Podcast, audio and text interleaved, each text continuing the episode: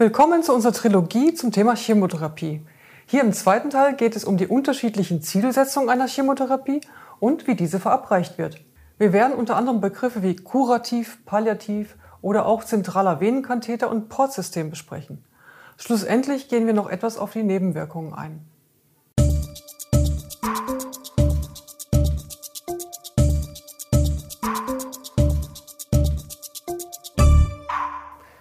Es geht immer darum, auf systemischer Ebene, also im ganzen Körper, die Krebszellen zu bekämpfen, bis keine oder nur noch so wenige Krebszellen vorhanden sind, dass sie vom Immunsystem des Körpers kontrolliert und bekämpft werden können.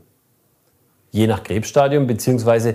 dem allgemeinen Gesundheitszustand wird entweder eine kurative oder eine palliative Therapie verfolgt.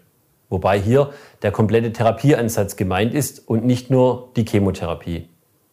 Mit kurativ meint man eine Therapie, deren Ziel die vollständige Heilung von der Krebserkrankung ist. Kurativ heißt auch so viel wie heilend. Wenn eine Heilung nicht möglich ist, wird eine sogenannte palliative Therapie verfolgt.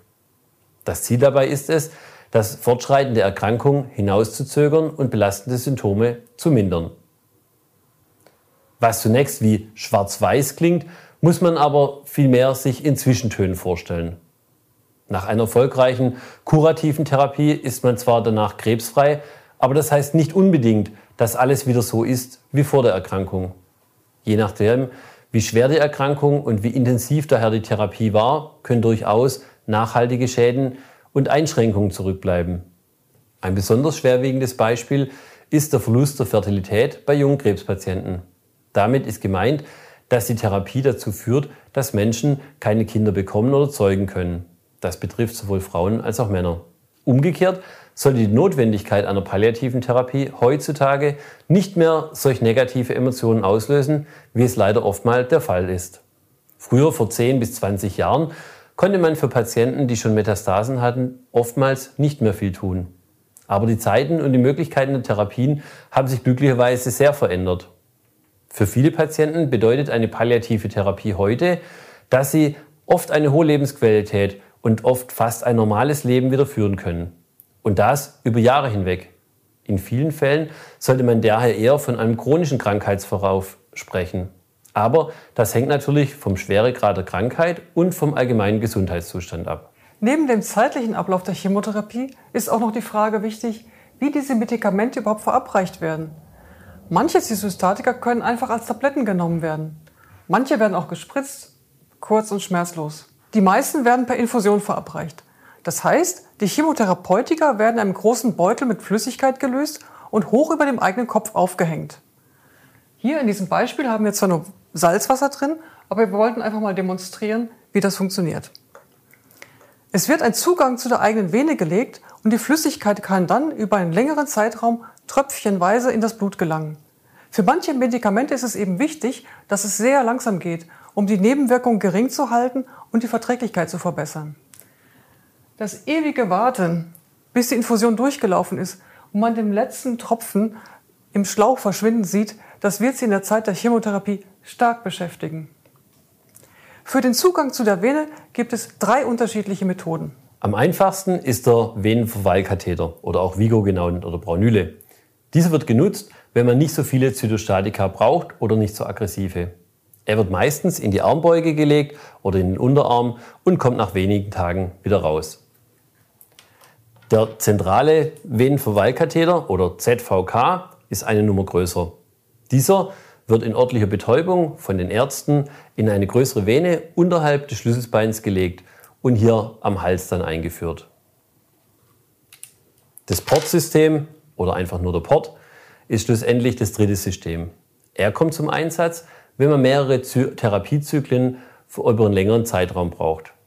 Eine kleine Kammer ist dafür notwendig. Die wird unter Operationsbedingungen unter die Haut gesetzt und der Schlauch führt dann in ein großes Gefäß.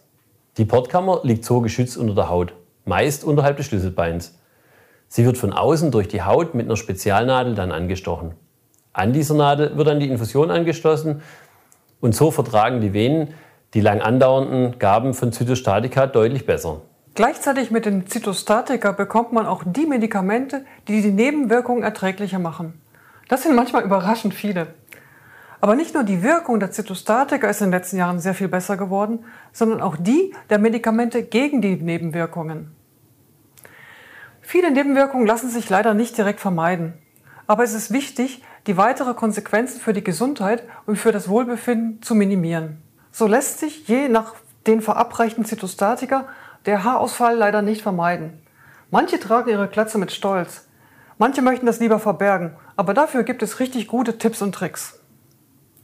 Kritischer ist die Beeinträchtigung des Immunsystems. Weil das blutbildende System auch so schnell und so viele neue Zellen produziert, wird es genauso von den Zytostatika ausgebremst.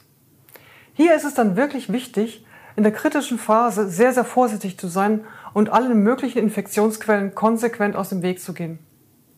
Auch die Zellen der Haut und der Schleimhäute teilen sich sehr schnell und werden daher auch von den Zytostatika betroffen.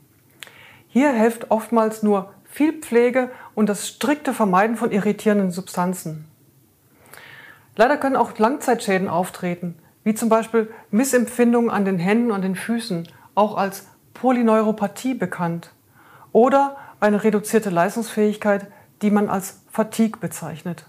Die Wirkung der Chemotherapie wird in regelmäßigen Abständen mit Hilfe von Blutuntersuchungen und/oder bildgebenden Verfahren wie zum Beispiel CT, MRT oder Ultraschall kontrolliert.